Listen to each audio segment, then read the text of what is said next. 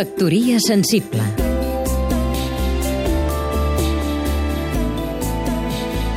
Oleguer Sarsenedes, periodista A l'escriptora canadenca Alice Munro li han concedit el Premi Nobel de Literatura de 2013 per ser, cito, una mestra del conte contemporani. El conte, o relat curt, és una obra literària breu escrita en prosa.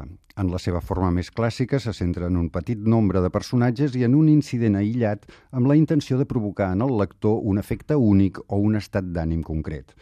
Però el conte és, a la vegada, un exercici de virtuosisme narratiu en el que el narrador ha de deixar emergir només una part de la història i la resta, com un iceberg, ha de quedar submergida, l'ha de deixar intuir el lector. Això deia Hemingway. El conte té molt de predicament als països de cultura anglosaxona, però a les nostres latituds no ha fet mai gaire fortuna.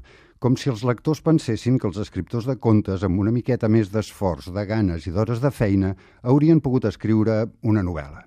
A casa nostra el conte se l'ha considerat sempre un gènere menor, un exercici d'entrenament de l'escriptor per a poder afrontar projectes més ambiciosos.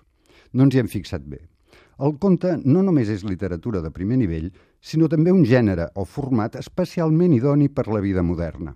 La lectura d'un conte dura el que dura un trajecte de metro, per exemple, o d'autobús o de tren de rodalies. Dura el que dura una espera, el que cap en les clarianes de temps que ens deixa lliures a vegades aquest ritme de vida que portem. Feu la prova amb Alice Monroe. Factoria sensible Seguim-nos també a catradio.cat